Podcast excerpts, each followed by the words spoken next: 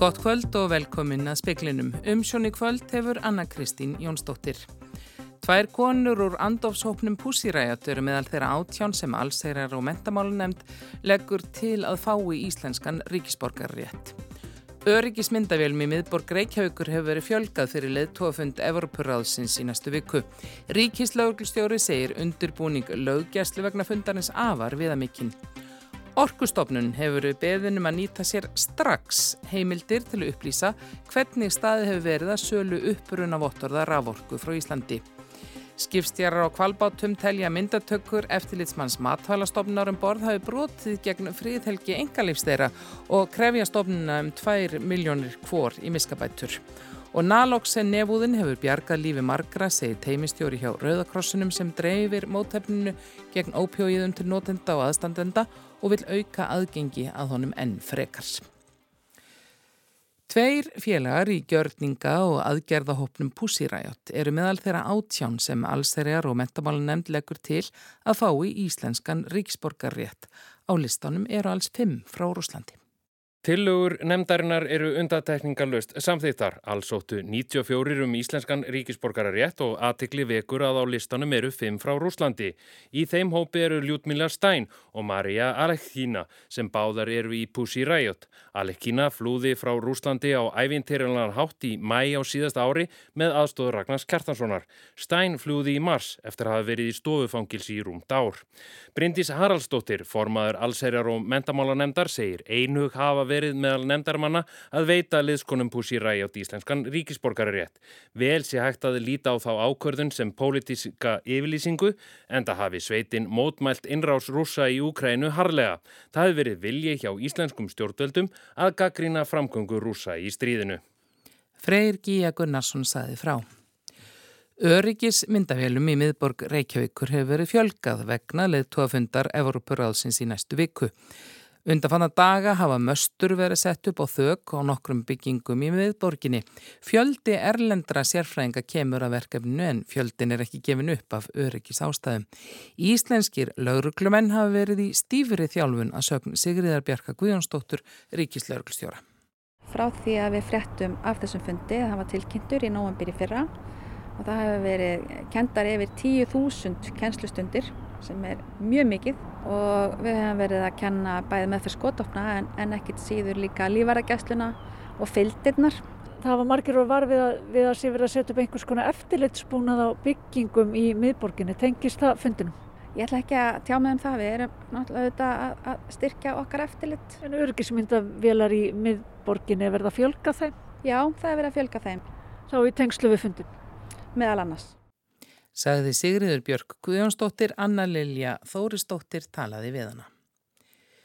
Farið verður fram á að banni við sölu á íslenskum uppruna vottorðum raforku verði frestað og orkustofnun falið að leiðbeina fyrirtækjum ef í ljós kemur að þau hafa ekki farið að lögum við útgáfu á vottorðum. Minnisblaðum þetta var lagt fram í ríkistjórn í morgun. Fram kemur í minnisblæðinu að upprunavottor raforku staðfesti að ákveði magn orkunar sé framleitt með endur nýjanlegum orkugjöfum. Vottorðunum sé ætlað að stuðla að aukinni endur nýjanlegri framleiðslu á rafmagni því sífælt fleiri neytendur eru tilbúinur að greiða herra verð fyrir það.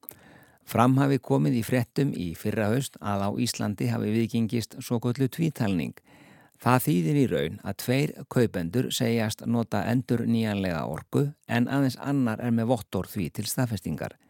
Í lok apríl settu svo Evrósk samtök útgefanda vottorana AIB útflutningsbann á vottor frá Íslandi vegna grunnsum tvítalningu. Í minnisblæðinu sem er frá umhverjus orgu og lottslagsráþara segir að landsnett undirbúinu fund með AIB til þess að fara yfir ákvörðum þeirra. Á þeim fundi verði óskað eftir að banninu verði frestað á meðan orkustofnun upplýsi málavöxtu og landsnett vinni að úrbóta áallun. Þá sendi ráðuneyti umhverfis orku og lofslagsmála bref til orkustofnunar á förstu dag í fyrriviku. Það sem stofnunin er beðin um að nýta sér strax, það er eftirlitsheimildir sem hún hefur til að upplýsa málið. Jafnframt að stofnunin kalli eftir upplýsingum og leiðbeini aðilum ef í ljós kemur að ekki hafi verið farið að lögum. Jafnframt er óskað eftir að orkustofnun fundi með neytendastofu sem hefur eftirlit með viðskiptaháttum og markasetningu. Benedikt Sigursson sagði frá. Skipstjórar á tveimur kvalveiði bátum Kvals HF hafa krafið matfælastofnun um 2 miljónir króna hvor í miskabætur. Þeir telja að brotið hafi verið gegn fríðhelgi engalífs þeirra og persónuvendarlögjörf með því að eftirlitsmaður á vegum matfælastofnunar hafi myndað kvalveðar. Skipstjórar á skipunum Kval 8 og 9 lögði í desember fram sitt hvora stefnuna í hérastómi Suðurlands. Hvorum sig krefst 2 miljóna króna í miskabætur vegna þess eftirlit sem haft var með veiðum og langreiðum síðasta sumar. Í reglugjör sem tók gildi í ágúst var hveðið áum að matvælastofnun skuli hafa reglubundi eftirlit með að fari sig að lögum um velferð dýra við veiðar á kvölum, meðal annars með eftirlitsferðum við veiðar og myndbands upptökum. Skipstjóratni telja að ekki hafi verið fullnægindi lagastóð fyrir eftirlitinu og brotið hafi verið gegn lögum um persónuvend og rétti þeirra til fríðhelgi yngalífs. Aðal meðferði í málunu verður á mánudag. Skipstjóratni sendi í oktober hvor sína kvörtun til persónuvendar. Þegar ljóst var að ekki erðu unda afgreða málið fyrir sumarið, dróðu þeir kvartanirnar tilbaka og fóru þessi stað með málið fyrir hérastóm. Eftirlitsmaður á vegum matvalastofnunar var viðstatur veiðar á 58 langreiðum síðasta sömar og myndað var samtals í rúma 7 klukkutíma. Í átján tilvikum skráði eftirlitsmaðurinn alvarlegt frávik við veiðarnar. Í einu tilviki var dýrið 2 klukkutíma að deyja og segir í skísluna að fjórum sinnum hafi verið skuttlaði í dýrið en tvö skot hafi geigað. Skotið hafi verið í myrkri. Í öðru tilviki var dýrið 58 mínútur að deyja. Fyrsta skotið hafi farið í gegnum baksli, annað í vinstri hlið, þriðja hafi lendt ofarlega en ekki inni í skrokk og fjörða hafi farið inn í hlið og banað dýrinu. Kristín Sigurðardóttir saði frá. Og þetta er að segja að uthærikkisra þeirra Þískalands og Kína hafi kastað nútum hvoraðurum þegar þeir hittust í Berlín í dag. Kingang, uthærikkisra þeirra Kína, varaði Evropasambandið við að beita kínversk fyrirtæki refsingum og móti sagði hinn Þíska Anna-Lena Berbok að hlutleysi kínverja í innrásin í Ukrænu væri stuðningur við rúsa. Innan ESB er rætt hvort beita eigi átta kínversk fyrirtæki refsingum fyrir viðskipti við rúsa. Umræður um nýjar viðskiptarefsingar vegna innrásar rúsa hefjast á morgun. Meðal þess sem lagt verið til er að stöðva útflutning viðkvæmra teknivara til átta kínuverskra fyrirtækja vegna grunnsum að þær séu seldar áfram til Rúslands. Kín fullirti við Berbok að kínverjar hefðu alltaf reyndað þrýsta á að binda enda á stríðið með friðsamlegum viðræðum.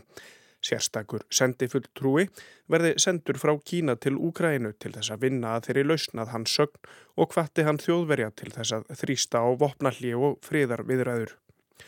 Berbok þrýsti á móti á að kínverjar takki skýra afstöðu gegn rúsum í stríðinu og sagði hlutleysi því það stuðning við stjórnvöld í Moskvu. Kín heldur ferðalagi sínu um Evrópu áfram. Hann fer til fundar við utanríkisar á þeirra Fraklands á morgun og heldur þaðan til Noregs. Róbert Jóhansson sagði frá. Tveir palestínumenn léttu lífið og tveir særiðust í dróna árás Ísraelska hersins á bíl þeirra á gasasvæðinu í dag. Að sögn hersins voru þeir liðsmenn Íslamska jíhats samtaka herskára palestinumanna. Tali var að þeir hefðu verið að undibúa eldflöga árásir yfir til Ísraels. Í nótt fjallu 13 í loftarásum Ísraels hers á skotmörk á gasasvæðinu, þrýr yfir menni í Íslamska jíhat og tíu almennir borgarar þeirra meðal konur og börn, týjir særðust. Nánar verður fjallaðum árásinnar síðar í speklinum. Byggðar á skagafjörðar skorar á stjórn KSI að hún grípi til aðgera til að koma í veg fyrir mismunum millir kalla og kvenna í knætspinnu. Nemndarmenn byggðar á skagafjörðar hafa vakið aðtikli á miklum aðstöðumun millir karla og kvennaliða í efstudeild í fótbolta.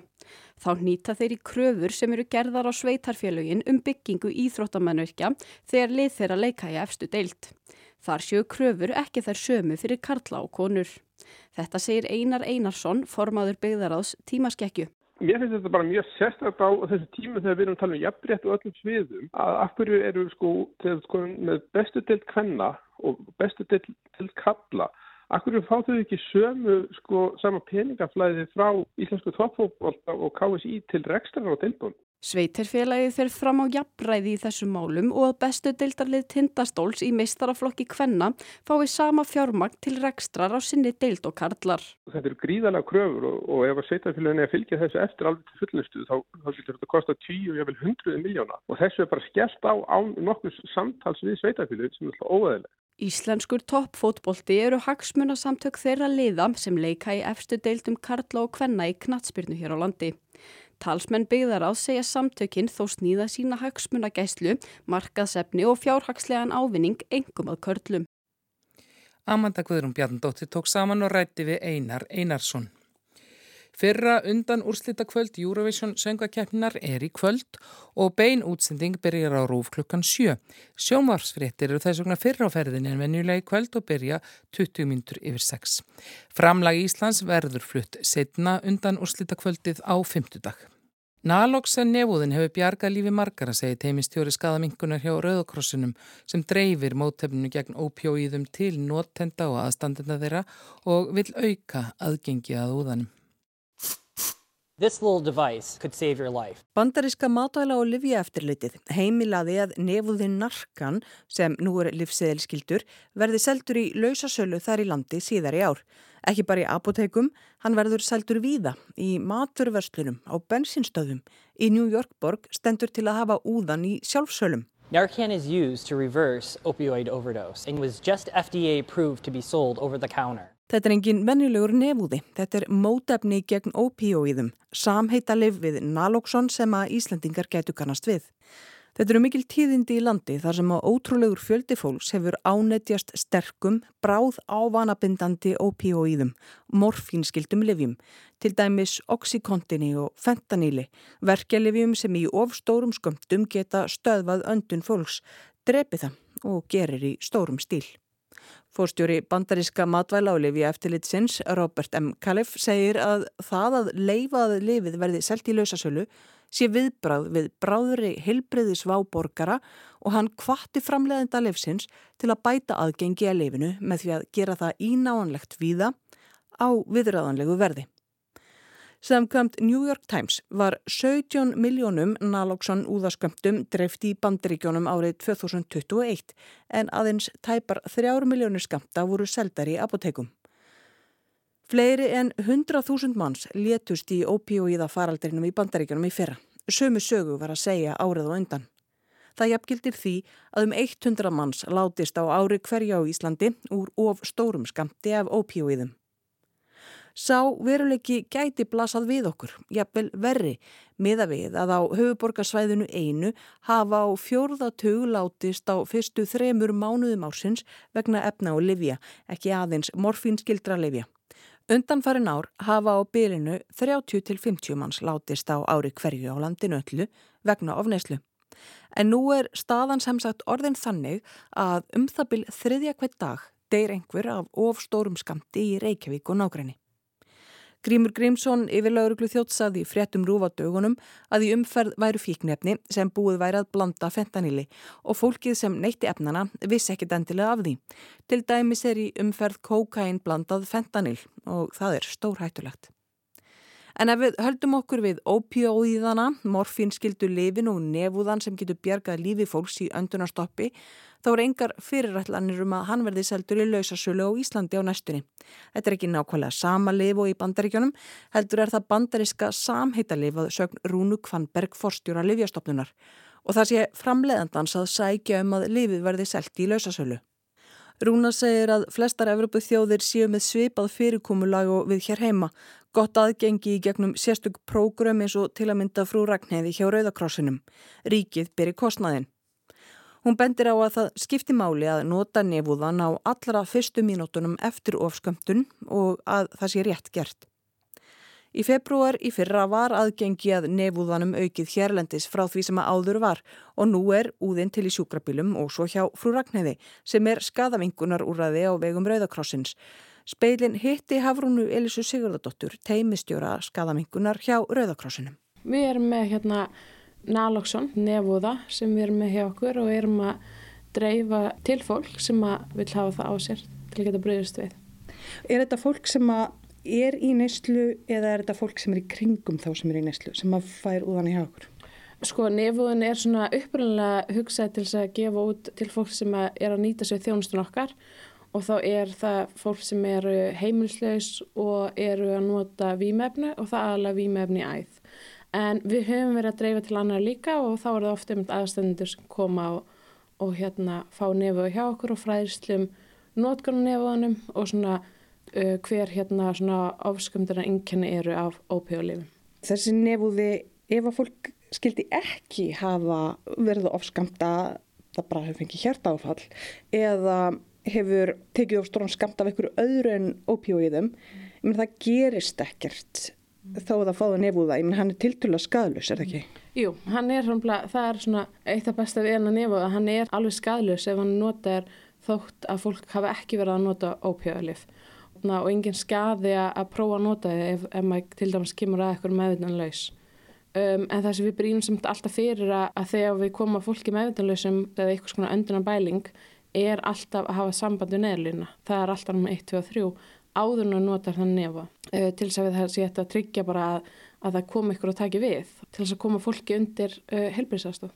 Af því að þú getur nota nefúðan mm -hmm. og fólk næsir eitthvað ansvar stryk en það getur aftur öndunabælingar, það ekki? Jú, það er áhætt að, að þegar þú nota náttúrulega nefúða þá er ópíðars viðtakarnir á heilanum sem að ópíðarnir festast á þeir eru átt frekari heldur en alls á nefun. Þannig að um leið og þessi hérna, efni sem er en alls á nefun er að hætta virka, þá getur ópíðarna sest aftur á þessi viðtaka og þá getur aftur orðið öndurumæling. Opnum við bara hérna, það er bakklingur alltaf hérna í og það eru allar helstu upplýsingar líka. Það er sem stendur bara hérna að nálsum verka með því að koma í stað ópíðarlega á viðtökum sínum í heilunum og annar staðir í líkamannum. Þannig að það er sagt, þessi ópíða viðtakar í heilanum og annars það er líkamannum sem að ópíðarnir festast á og þá getur orðið öndunabæling og það getur farið yfir í öndunarstopp. Mm. Nalóksunni kemur og ítir þessum ópíðarlegum af þessum viðtökum og, og festist þar en þeir festast þar í ákveðin tíma. Það er mm. svona mikilvægt að fólk komast undir helbriðsendur. Hvernig notar þetta? Þetta er mjög einfalt. Þetta er, er, það sem við dreyjum út eru tveir pakkar og þetta lítur út bara eins og nefnsprey sem við notum til dæmis þegar við erum kvefið og það sem maður gerir er að maður opnar pakkan og það sem er mikilvægt muna er að það er bara einn úði í hverjum. Þannig að það er ekkert að prófa hans út í lofti eins og maður gerir oft með þegar maður er að nota í, fyrir kvef. Uh, og þetta, hann er bara settur upp í nef og það er spreyjað. Og það eru tveir að því að við byrjum alltaf að spreyja einum og reynum að býða í eina til tvær myndur og sjá hvort það sé eitthvað viðbröð ef ekki þá notum við hinn nýfúðan og þarna er aftur allir ítrekka að þarna er maður, er maður að býja eftir sjúkrabíla leðinni. Rekkur fólk upp eða hvað gerst? Já, það er sem sagt, getur alveg, maður þarf svona og það er líka bara alltaf þegar fólk opna, vaknar eftir meðnuleysi að, að þá er maður oft mjög ringlegar og veit kannski ekki alveg hvað maður er og, og það er óþægilegt ef eitthvað stendur alveg upp við mann og, og þá getur maður bröðist svolítið við harkalega, getur það gerst Um, þannig að það er bara mjög mikilvægt að bakka þess frá og, og hérna, tala rólega og, minna mannskina á hvað hún er og svo er það líka að þegar maður nota svona náls og nefuða á eitthvað sem er að nota sem er að nota ópíða og kannski þá aðla mannskið sem er að nota ópíða daglega og eru með fíkn í ópíðalifin að um leið og maður nota hann að náls og nefuða þá fyrir manneskjan í frákvörf og frákvörfin af ópíðalifum geta verið mjög slæm eða er mjög slæm þannig að fólk verði mjög veikt, mjög fljótt og þess vegna er aftur líka mikilvægt að fólk komist á spítala. Hvernig veistu hvort að einhver hefur fengið, hefur tekið ofstóran skamt? Ég menna, hvernig er átt að nota þetta? Um, svona svona ofskamtina enginni sem er gott að fylgjast með er að, að hérna, það verður svona skort viðbreyfi snertingu eða hljóði öndinu verður svona hæg og óræklileg það eru hrótur og svona skríti hljóð sem heyrist svona í svona rygglar í hérna andadrætti uh, neglur og varir geta orðið fjólublára eða bláar og bara ef að mannskjan er ekki að, að bregðast við og þú sér að hún er ekki að anda þá mm. þarf að bregðast við Þetta fer ekkit fram hjá fólk, er það nokkuð? Nei, það gerir það ekki og það getur ofta orðið bara eh, mjög, orðið mjög erfitt að, að koma að einhverjum sem að hefur tikið óstóran skamt af výmefnum Eru þið ein um að dreifa þessu? Já, við erum, svona, erum eiginlega einu dreifingar aðlar hérna á Íslandi. Uh, við erum sérst frú Ragnar hérna á Höfbruksvæni og svo erum við líka með frú Ragnar Akureyri á Sjönesum og þau eru líka að dreifa. Og við heyrum mjög, mjög oft af því að fólk hefur tekið óstóran skamt og þá er einhver til staðar sem getur greipið inn í og gefið nálsson. Þannig að uh, mörgum hefur bjargað með þessum nálsson nefa en það sem við höfum talað mikið fyrir að það þarf að greiða aðgengi að nálssoni og, og það þurfa allir að geta komist að nálssoni sem vilja. Við erum ekki að þjónusta alla á Íslandi sem nota lif, sem nota ópjöða þannig að við viljum sjá nálsson uh, nefaðan í lausasölu það er svona livsskilt liv og við viljum sjá það í lausasölu og, og við viljum að fólk geti farið til dæmis bara í apotek og fengi lifið og, og fræðslu með því frítt. Bara svona eins og það ætlar að kaupa sér ánæmislif eða? Mm -hmm, já og, og svona eins og kannski emmi þegar fólk er að fara í apotek og kaupa sér dægin eftirpillar, neyðarpilluna það er bara mjög einfalt að gera það maður fyrir bara í apotekið og fær góða fræðslu alltaf með. Það er neysinlegt að að maður fá alltaf fræðsli, að maður fá nefáðan upp á hvernig hann virkar og, og hver áskæmtur enginn eru. Það er hægt að fá þetta samt í gegnum he helsugesslunar, er það ekki? Uh, þetta er náttúrulega livsinskillif þannig að það þarf heimilisleikni til þess að skrifa þau upp. Veistu hvort að það er þannig að manneska sem að er að neyta ópjóiða mm -hmm. fara þau tala við heimilisleikni sinn og byggja um að fá mótefni við því? Örgla, al, jú, alveg einhverjum en, en það er samt mikil hindrun að þurfa að fara og viðkynna það fyrir heimilisleikniðinum að sérta nota eða misnota uh, ópjóðalif eða bara lifa yfir höfuð og það er skráðið þínu sjúkarsögu oft og, og þá ertu svolítið svona brennumertur innan heilbæðiskengjarinsins mm. sem að þú vilt virkilega uh, reyna að komast fram hjá. Þannig að þess vegna er aftur líka því að það er hindrun og við þurfum að reyna að greiða aðgengja analóksóni og fólk þarf að geta fengið að fara bara í apotekki og sækja lifið þar. Geta aðstandendur fólk sem er í opjóiða neyslu mm -hmm. komið til ykkar og beðið um að fá naloxon? Já, þeir geta komið og haft samtöðu okkur að fengi fræslu og, og fengi nefúan og, og það er ótrúlega mikilvægt og ég held að það sé líka bara öryggi fyrir aðstandendur að geta brúðist við. Sagði Hafrún Elisa Sigurðardóttir teimistjóri skadamingunar hjá Rauðakrásinum. Á dögunum kynnti helbreyðisráþurann Viljum Þór Þórsson í ríkistjórn tilögur um aðgerðir til að sporna við skaða völdum ópjóiða. Það er á til að mynda að tryggja aðgengi að livja meðferð við ópjóiðafíkn sem er áallega að kostu um 80 miljónur króna.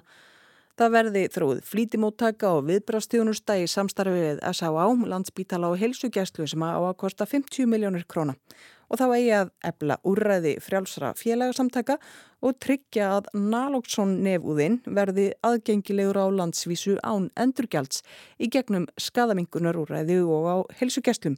Gert er að fyrir að það kosti ríkið 10 miljónir krána. Ragnhildur Torlasíu saði frá og rætti við Hafrúnu Elísu Siguradóttur.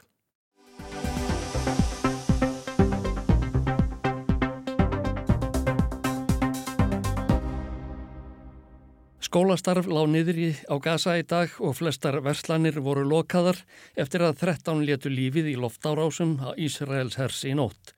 Á þriðjatug særðust þar á nokkrir lífshættulega að sagna heilbriðisraðunettisins í Gazaborg. Árásunum var bent gegn þremur yfirmönnum í íslamsku jihad samtökunum. Þeir voru allir feldir og sömulegðist tíu almennir borgarar. Þeirra á meðal voru fjórar konur og fjögur börn. Helmingur hinn að særðu eru konur og börn. Þetta er mesta mannfall frá því að liðsmenn jihad samtakana og Ísraels herr börðust í þrjá sólaringa í ágústi fyrra. Daniel Hagari, fylgisfóringi, talsmaður Ísraelska hersins, sagði í dag í viðtali við Ríkisjónvarplansins að hernaðar aðgerðirnar í nótt hefðu hefnast eins og til var ætlast.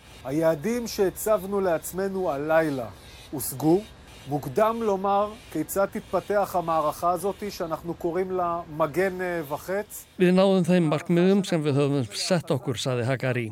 Það er ofst nefnt að spá fyrir um hvernig aðgerðirinnar þróast.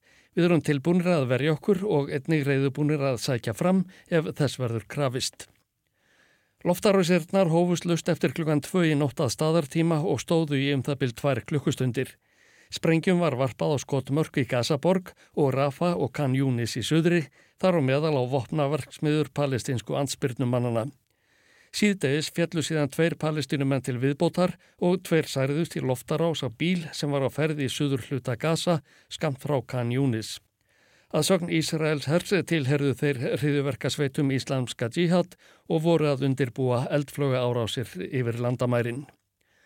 Meðal þeirra sem létust í nótt var vinsall tannlaknir Jamal Kusvan að nafni, rúsnesku ríkisborgari sem hafði bóðið fátaku fólki í Gazaborg ókeppis tannlakningar.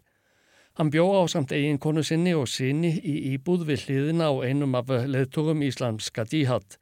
Eigin konan var livjafræðingur og sonur þeirra 21 árs stundaði nám í laknisfræði. Ekkert þeirra var í neinum tengslum við palestinska ansbyrnu hópa. Árásirnar í nótt og dag eru hérna fyrstu í hernaðar áætlun Ísraels hers sem hefur fengið nafnið spjót og ör. Með henni er ætluninn að að auka öryggi Ísraelsks almennings sem stjórnveld segja að hafi staðið veruleg ógn af eldflöga árásum frá Gaza yfir til Ísraels undanfarna mánuði. Fullvist er talið að liðsmenn Íslamska djihad hafi staðið að þeim. Aðgerðirnar eiga að beinast gegn hátsettum liðsmannum Íslamska djihad herbúðum með samtakana og vopnaverksmiðun þeirra svo hann okkur sé nefnt. Meir af Eilon Sahar, fasta fulltrú í Ísraels hjá saminuðu þjóðunum í Genf, sagði þegar hún ávarpaði mannréttindaróðstefnu í borginni í dag að árásirnar hefðu verið gerðar til að tryggja frið og öryggi Ísraels. Ekki kemur til greina að láta hriðjuverkamenn grafa undan því að fólk geti lifað án þess að óttast stöðugt um að verða fyrir árásum. Stjórnvöld nokkura ríkja hafa fordæmt árafsirnar í nótt þar á meðal Egiptar og Jórdaníumenn. Tór Vennesland, sérstakur samningamöður saminuðu þjóðana í deilum Ísraelsmanna og palestinumanna, sagði í yfirlýsingu sem hann sendi frá sér í morgun að sér væri verulega brugðið vegna tíðindana. Hann hvaðst fordæma að almennir borgarar skildu hafa fallið í árásanum í nótt. Slikt væri með öllu ólíðandi. Hann hvati alla hlutaðegandi til að halda aftur af sér og koma í vekk fyrir að átökin stegmögnuðust með hrikalegum afleðingum fyrir alla. Mikil sorg og reyði er á gasasvæðinu að sögni frettamanns Al Jazeera í Gazaborg. Þúsundir tóku þátt í líkfylgd um meðborgina þegar þau sem létust í nótt voru borin til gravar. Abu Hamza, talsmaður Akuts herdeildana, hins vopnaða arms íslamska jihads, sagði í ávarfi á samfélagsmiðlum í dag að það gagnaðist herrnámsliðinu ekkert að ráða liðsmenn samtakan af dögum. Við það styrtustu þau einungis. Kulli Filastín, þælithan, nuakkidu fyrir Saraja Qudsi og al-Muqawama, annana sanakónu inda iltizamina og vajibina tijaha shuhada. Gleipir herrnámsliðsins auka aðeins á þörfina fyrir að halda ansbyrnunni áfram, sagði Abu Hamza. Hann sakaði Ísraels herr einnig um fjöldamorða og saklausum almennum borgurum á heimilum þeirra og spáði því að andstaðan gegn hernum ætti einungis eftir að aukast. Þá kvattan alla palestinsku þjóðina til að saminast í baráttunni við hernámsliðið. Eitt og annað bendir til þess að Ísraels herr búi sig undir frekari hernaðar aðgerðir næstu daga. Varalíðar hafa verið kallaðir út. Fólki sem býr innan við 40 kílometra frá landamærum Ísraels og Gaza hefur verið rálagt að fara ekki langt frá Sprengjubyrgjum næsta sólaring eða svo. Öllu skólastarfi hefur verið aflýst þar til á miðugudagskvöld. Þá hafa sveitarstjórnarmenn og ennbættismenn í suður hluta Ísraels verið varaðir við hvers konar atburðarás næstu sólarhinga svo sem auknum eldfluga árásum frá Gaza. Ásker Tómasson saði frá. Í speklinum í kvöld sögðum við meðal annars frá því að tvær konur úr rúsneska andofshópnum Pussiræjat eru meðal þeirra átjón sem allsherjar og mentamálun nefnd leggur til að fá í íslenskan ríkisborgar rétt þetta vorið. Öryggismyndavélum í miðborg Reykjavíkur hefur verið fjölgað fyrir leðtófund Európaráðsins í næstu viku. Orkustofnun hefur verið beðin maður um nýta sér strax heimildir til að upplýsa hvernig staði hefur verið að sölu uppbrunna vottorða raforku frá Íslandi. Og veður horfur á landinu til miðnætti sannað kvöld eru þær að verðu suðlega eða breytilega 3-8 metrar en norðlegari norðvestan til. Súld eða dál til rigning með köplum, þokuloft við norður og austurströndina en sumstaðar dál til væta sunnan til. Vestlega átt 3-8 og víða lítilsátt að rigning eða þokusúld á morgun en bjart með köplum á Suðustulandi. Hít á bylnu fjögur til 14 stig og svalast verður úti við norðurströndina. Fleir er ekki speklinum í kvöld, tæknimaður var Kormákur Marðarsson, veriði sæl.